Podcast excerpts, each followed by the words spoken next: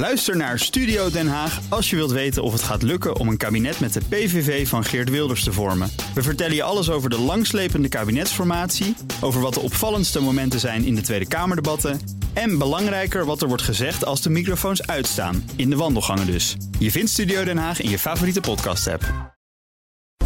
BNR Beurs wordt mede mogelijk gemaakt door Bridge Fund. Beleggen bij Bridge Fund brengt Nederlandse ondernemers in beweging. BNR Nieuwsradio. BNR Beurs. Wesley Weert en Maxime van Mil. Hallo, welkom. De beursweek is door de helft. Wij zijn op volle sterkte en de komende 25 minuten vertellen we je het belangrijkste beursnieuws. En dat doen we op deze woensdag, woensdag 21 februari. De dag dat een ongeluk bij een nieuwe brug ook zorgt voor een ongeluk op de beurs. Een brug in aanbouw stortte in. Dat gebeurde in het Gelderse Lochem. Bouwvakkers waren naar boven gekomen. Via die stijgers daar bovenop stonden zij... om te zorgen dat die boog uiteindelijk vastgemaakt kon worden. Waarschijnlijk knapte er een kabel. Die boog die schoot los, ging heftig heen en weer. Dusdanig heftig dat het erop lijkt dat de bouwvakkers bovenop... zowel geraakt zijn als ook naar beneden zijn gevallen. Het drama raakte ook de beurskoers van BAM. Die legde de brug aan en ging tot 3% omlaag. Ook verlies op de AX, die verloor 0,2% en eindigt net onder de 847 punten. Grotere negatieve voor Philips en Argen. Beide doken 2,5% omlaag. Maar goed nieuws is er ook. Jim Theopoering is op de radio. En dan gaan de cijfers juist door het dak, de luistercijfers. En dus zijn we maar wat blij dat hij te gast is. Jim Theopoering van Eén Vermogensbeheer.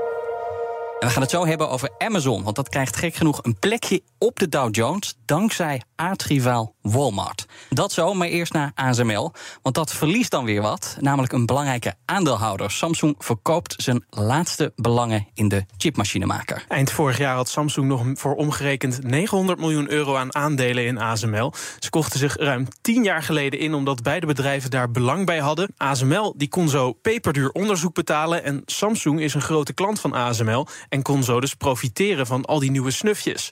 Samsung heeft in kleine stapjes die belangen van de hand gedaan en nu is alles verkocht. Ja, wel blijven die twee bedrijven intensief samenwerken. Zo investeren de twee gezamenlijk 700 miljoen euro in een nieuw onderzoekscentrum in Zuid-Korea. Dat was nieuws dat ze eind vorig jaar hadden aangekondigd gezamenlijk. Ze blijven dus samenwerken.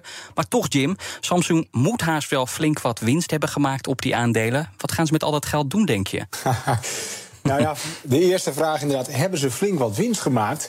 Dat is een simpele, want uh, als ik me niet vergis... heeft uh, Samsung al lang geleden dit belang genomen. Ooit was dat 3% van ASML wat ze kochten. En dat was in 2012. En toen stond de koers 40, 45 euro, als ik me niet vergis. Mm -hmm.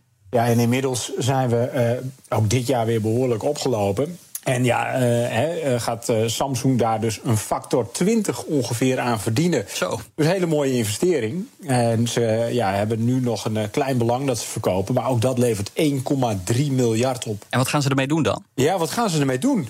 Um, ik begrijp overigens wel dat ze het verkopen na deze sterke run van ASML en toch ook wel stevige waardering. En ze zeggen van ja, we hebben de cash nu nodig voor andere eigen investeringen. Uh, onder andere in artificial intelligence, uiteraard. Nou, wat het exact is, dat, dat weten we nog niet. Overigens is het wel zo dat ASML en Samsung ook verder uh, nou ja, uh, gaan bouwen. Want uh, een tijdje terug was de Zuid-Koreaanse president in Nederland. Toen is er ook een agreement getekend. Ja. Dat ze samen een, een, een, fabriek gaan bouwen, een onderzoekscentrum moet ik eigenlijk zeggen. Waar ook 700 miljoen gezamenlijk in wordt geïnvesteerd. Dus ja, de banden zijn echt wel daar. Alleen ze bouwen hun belang nu wel af. Aan de ene kant ook wel jammer voor de ASML. Want Samsung is wel een van hun grootste klanten. Zorgen maakt ASML zich overigens ook, maar dan over belastingvoordeeltjes die bij ons dreigen weg te vallen. Het gaat om een regeling die innovatie moet aanjagen. En simpel gezegd komt het erop neer dat wie innoveert korting krijgt. En van die korting landen bijna drie kwart bij tien grote bedrijven, waaronder ASML. En voor ASML bedroeg die korting afgelopen jaar bijna 950 miljoen euro. Ook dat is een tamelijk groot bedrag.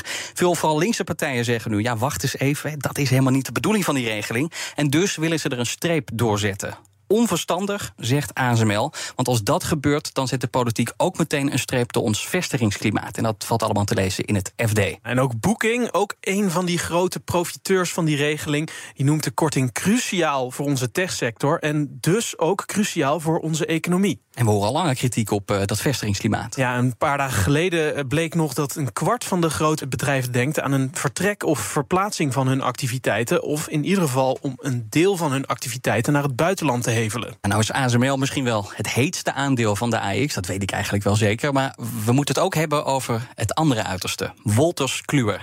En dat wordt wel eens het saaiste aandeel van de AX genoemd. Nou, dat kan wel zijn, toch staat het aandeel in een jaar tijd dik 30% hoger. En daarmee doet Wolters Kluwer het veel beter dan die AX. Ja, niet alleen de beurs doet het het goed.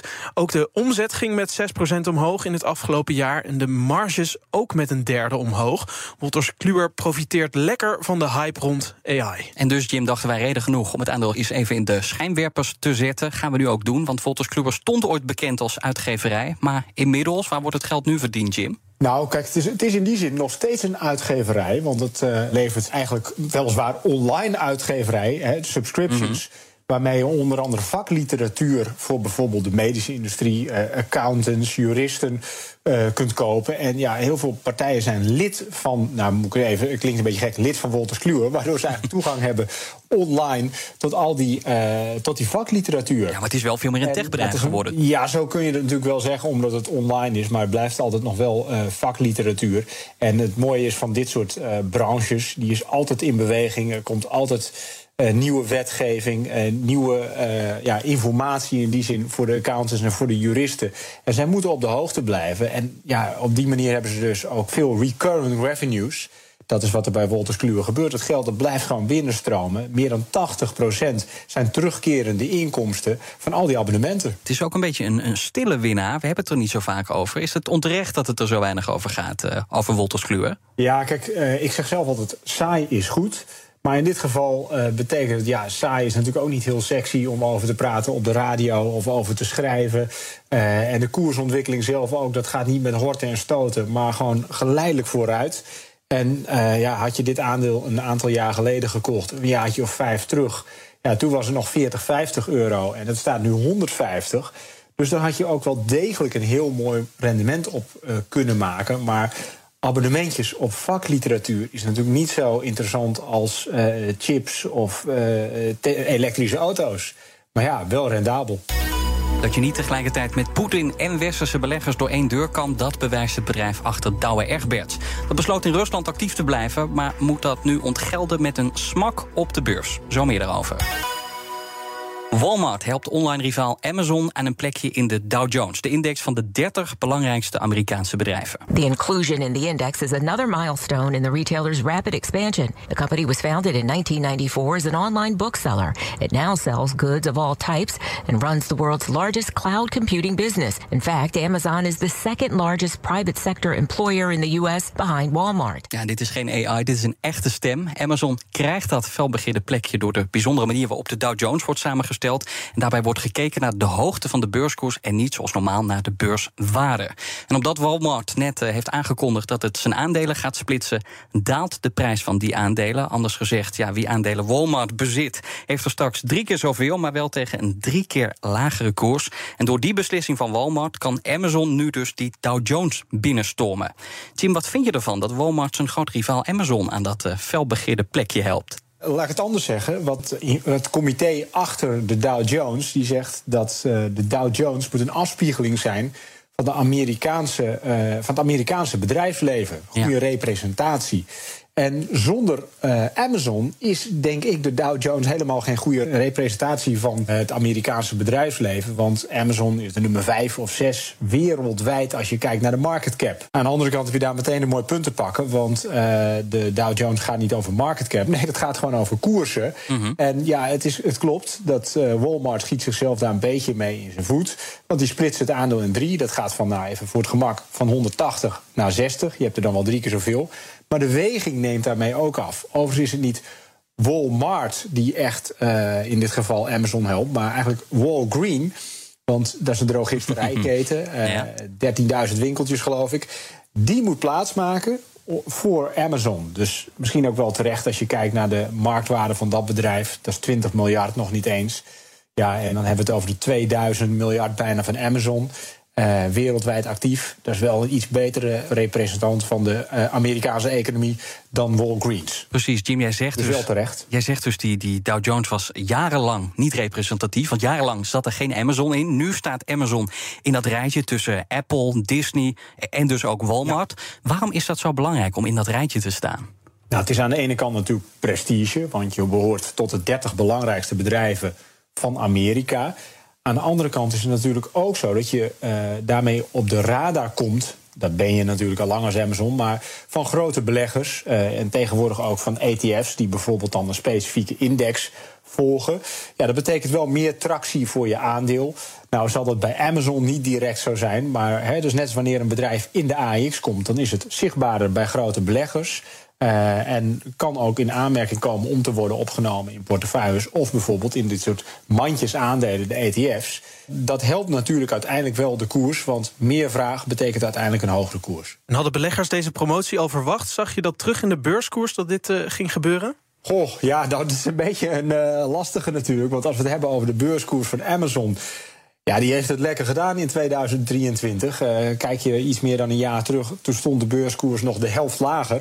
Alleen ik denk niet dat dat is alleen omdat ze nou naar de Dow Jones toe gaan, maar vooral omdat uh, de omzet in de lift zit. Nou is het zo dat Walmart zijn aandelen dus splitst. En daar zit een reden achter, want Walmart zegt, de CEO zegt... ja, wij vinden dat elke werknemer er één moet kunnen kopen. Jij zei al, Jim, daarmee schieten ze zichzelf een klein beetje in de voet. Want ja, daarmee zetten ze dus Amazon een beetje op voorsprong in die Dow Jones.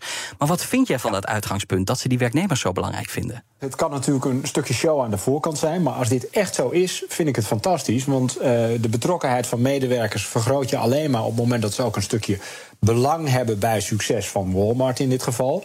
En ook het uh, ja, aantrekkelijk houden van de aandelenkoers koopwaardig en relatief laag. Dat is natuurlijk in dit, in dit geval gunstig. En sowieso is dat gunstig, want dan ben je bij een breder publiek beschikbaar. Nou, de tegenhanger is natuurlijk Berkshire Hathaway van Warren Buffett. Die zegt, ja, dat is allemaal onzin. Mm -hmm. Ja, die beleggers die moeten inmiddels hoge bedragen betalen... voor een aandeeltje Berkshire Hathaway. Een medewerker van Walmart hoeft dat niet, dus ik kan het wel waarderen. En terwijl de baas van Walmart zich druk maakt om de portemonnee van zijn werknemers, is de oprichter van Amazon vooral bezig met zijn eigen portemonnee, hè, Maxime? Ja, Jeff Bezos die verkocht in negen dagen tijd voor 8,5 miljard dollar aan aandelen Amazon. Amazon kondigde begin deze maand nog aan dat Bezos van plan is om dit jaar tot 50 miljoen aandelen van de hand te doen. Maar Bezos die liet er geen gras over groeien en heeft nu dus al zijn plannen helemaal uitgevoerd. Jij maakt echt vaat, hè? Wat zegt jou dat, uh, Jim, dat Bezos in zo'n korte tijd eigenlijk zoveel aandelen verkoopt? Nou, uh, ik noemde net al eventjes dat het aandeel natuurlijk verdubbeld is in iets meer dan een jaar tijd. En Jeff Bezos die moet natuurlijk ook een beetje nadenken over zijn vermogensspreiding. Hij bezit 12% van Amazon, nou nu dus ietsje minder. Maar dat belang vertegenwoordigt op dit moment zo'n 200 miljard dollar. Nou, dan is het misschien niet verkeerd om na zo'n sterke stijging uh, uh, een stukje van je belang te verkopen. Ik begrijp dat helemaal. Is dit voor jou nou ook een signaal om uh, aandelen Amazon te verkopen? Want het is ook een signaal vanuit Jeff Bezos dat hij denkt: nou, die aandelenkoers staat op een mooi niveau. Misschien hebben we nu het plafond wel bereikt. Ik verkoop de boel. Nou, ik denk dat het wel altijd goed is om daarnaar te kijken. Op het moment dat er insiders, dus het management, gaat kopen. Dat is een sterk signaal. Aan de andere kant, als ze afscheid nemen, is het vaak ja, toch ook wel een signaal dat het management zelf het gevoel heeft dat de beurskoers misschien uh, wat aan de hoge kant is. Aan de andere kant ken ik ook wel bestuurders met uh, nou ja, grote belangen in hun bedrijf... die soms noodgedwongen wat moeten verkopen... omdat ze bijvoorbeeld belastingaanslagen moeten voldoen. Dus het is niet altijd negatief, maar uh, je moet het niet negeren. BNR Beurs. De beurskoers op Wall Street zijn ook wat te hoog opgelopen, vinden beleggers. En daarom staan ze nu lager. De Dow Jones verliest 0,3 procent. De S&P 500 eveneens 0,3 procent lager. En de Nasdaq staat 0,8 procent in het rood. Amazon, dat is natuurlijk een bedrijf dat we moeten noemen. Want na het bekendmaken van dat nieuws over die opname in de Dow Jones... wat doet dat aandeel? Nou, het aandeel stijgt. 0,4 procent krijgt het erbij. Dat geldt niet voor Palo Alto, het cybersecurity bedrijf... want dat beleeft zijn slechtste beursdag in zeven jaar tijd. Het aandeel gaat uh, keihard onderuit. 27% maar liefst verliest het. En Palo Alto merkt dat bedrijven voorzichtiger zijn met hun uitgaven voor cyberbeveiliging. Klanten denken dat het toevoegen van nieuwe producten niet noodzakelijk hun veiligheid verbetert, zegt de CEO. En dat is uh, toch wel een nieuwe ontwikkeling voor hem. Het baart beleggers ook zorgen, gezien dus de beurskoers. En helemaal omdat door die voorzichtigheid ook de omzetverwachting voor het hele jaar omlaag gaat. Het was niet zozeer de beurskoers die opviel, maar wel de loonsverhoging. Ik heb het over de topvrouw van Citigroup.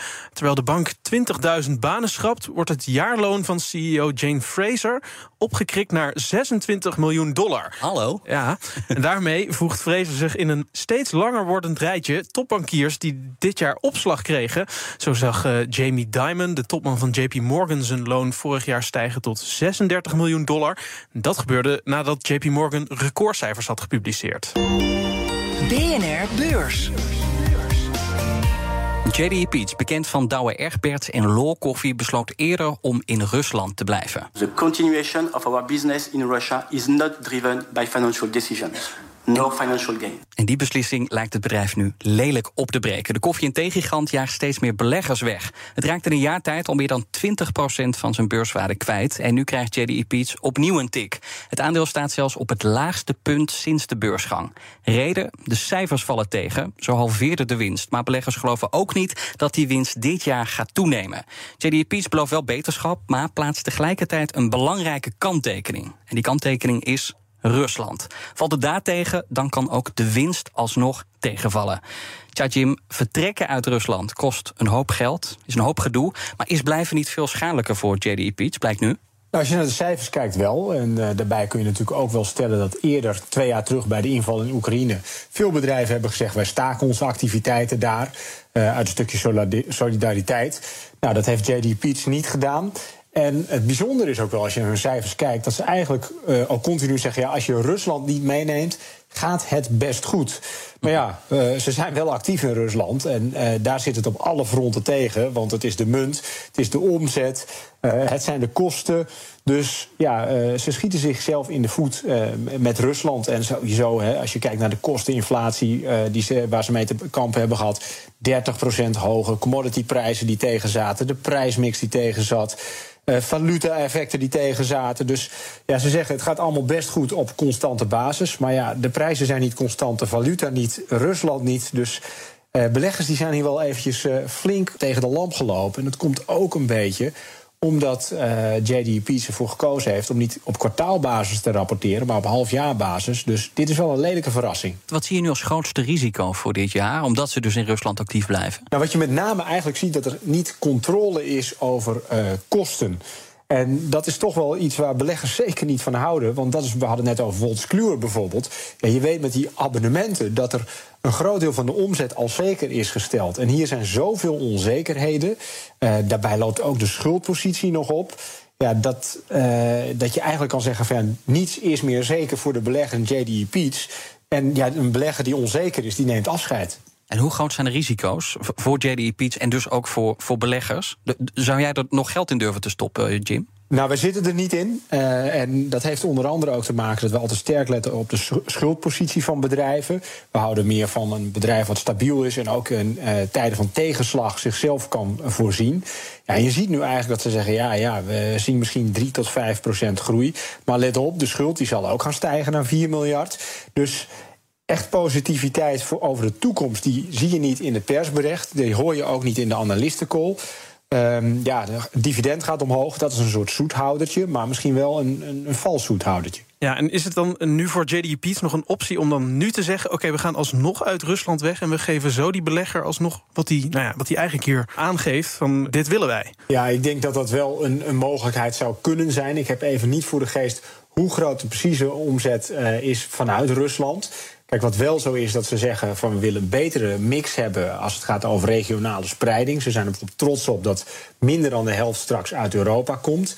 Maar ja, afscheid nemen van bijvoorbeeld de Russische activiteiten, dat betekent ook herstructureringskosten. Dus dan moet je eerst door een nog wat dieper dal heen. Waarbij ze denk ik nu de gok nemen om maar door te modderen en te hopen dat het beter gaat. Dat de eh, inkoop een beetje meevalt, dat de roebel een beetje meevalt, dat je kosteninflatie uh, terugvalt. Dus het is een beetje gokken op ja, beter weer. Hoe doet JD Peets het in vergelijking met de grote concurrent, de nummer 1, Nestlé? Ja, als je daarna gaat kijken. Nou, laat ik het anders zeggen. Ook uh, Nestlé, uh, ook een echt een, een retailbedrijf. Uh, heeft natuurlijk het best wel wat zwaarder. En ook omdat zij eerder bijvoorbeeld op het vlak van duurzaamheid. Uh, nou ja, uh, achterliepen en, en, laat ik het zo zeggen, een inhaalslag hebben moeten maken. Ehm, ja, doen ze het beter? Nee, niet als je kijkt naar de koers. Mhm. Maar het is ook niet dat Nestlé nou de grote winnaar is... dat die heel veel heeft gebracht voor beleggers de afgelopen uh, jaren. Is het beter? Nou, nee, eigenlijk niet. Want uh, sinds de beursintroductie hoorden we net... Ja, staat JD Peets lager maar ik denk als je dezelfde periode naast legt voor Nestlé, dat het ook niet beter is. Nog heel kort, uh, Jim. Uh, Koers-winstverhouding JD Peets is nu rond de 23, ligt dat. Uh, er is dus al 20% afgegaan afgelopen jaar van het aandeel. wat vind je van de huidige waardering? Kan daar nog wel 20% af? Nou, ik schaar dit onder food retail. En dan is het sowieso behoorlijk aan de prijs al. Als je dan kijkt naar, nou, wie kwamen vorige week ook met cijfers, ALDS. Um, de zekerheid die je daar hebt en de veel lagere risico's, stuk minder. En dan is het aandeel verhoudingsgewijs ook nog een stuk goedkoper. Dus ja, ik hoef er niet zo lang over na te denken. De agenda dan nog. Vanavond natuurlijk de cijfers van Nvidia. En ook morgen staan een aantal bedrijven op de planning. Een van de agendapunten zou Viaplay moeten zijn. Tenzij we weer net zo lang moeten wachten als vorig kwartaal. Toen stelde het Scandinavische streamingbedrijf de publicatie tot twee keer toe uit. Gaat daar ook niet zo lekker. Afgelopen jaar kondigde het bedrijf aan diverse landen te verlaten en ook flink te gaan reorganiseren. Ook Bezi komt met kwartaalcijfers. Het aandeel heeft de afgelopen tijd een goede reputatie opgebouwd bij beleggers, want het is een van de hardst werkende krachten op de stijgende AEX. Drie maanden terug waren de cijfers nog wat wankel, maar ze denken zelf dat er nu alweer een omzetstijging in het vat zit. En na een recordwinst in het derde kwartaal komt ook Booking Holdings met de afrondende cijfers van 2023. De vakantieaanbieder ziet na de pandemie de business weer goed opleven en ook de koers gaat in die opleving mee. Dit was de BNR-beurs van woensdag 21 februari... waarin we het hadden over JDE Peets van Douwe Egberts dus. Dat bedrijf wil Russen blijven helpen aan hun dagelijkse dosis cafeïne... maar dat helpt de beurskoers aan een nieuw dieptepunt. Walmart hielp concurrent Amazon naar de Dow Jones toe. Wolters Kluwer krijgt hulp van AI. En over hulp gesproken, ja, je merkt het al een beetje... de rode draad is dat in deze uitzending. Jim Theopoering van Een Vermogensbeheer, dank dat jij ons wilde helpen. Ja, en wij gaan onszelf naar huis helpen. Morgen weer een nieuwe aflevering. Tot dan. Hopelijk ben jij er ook. Tot dan. Tot morgen. BNR Beurs wordt mede mogelijk gemaakt door Bridge Fund. Beleggen bij Bridge Fund brengt Nederlandse ondernemers in beweging. Bij BNR ben je altijd als eerste op de hoogte van het laatste nieuws. Luister dagelijks live via internet. Bas van Werven. En heel langzaam komt de zon op rond dit tijdstip. Je krijgt inzicht in de dag die komt op BNR, het Binnenhof in Nederland en de rest van de wereld. De Ochtendspits. Voor de beste start van je werkdag. Blijf scherp en mis niets.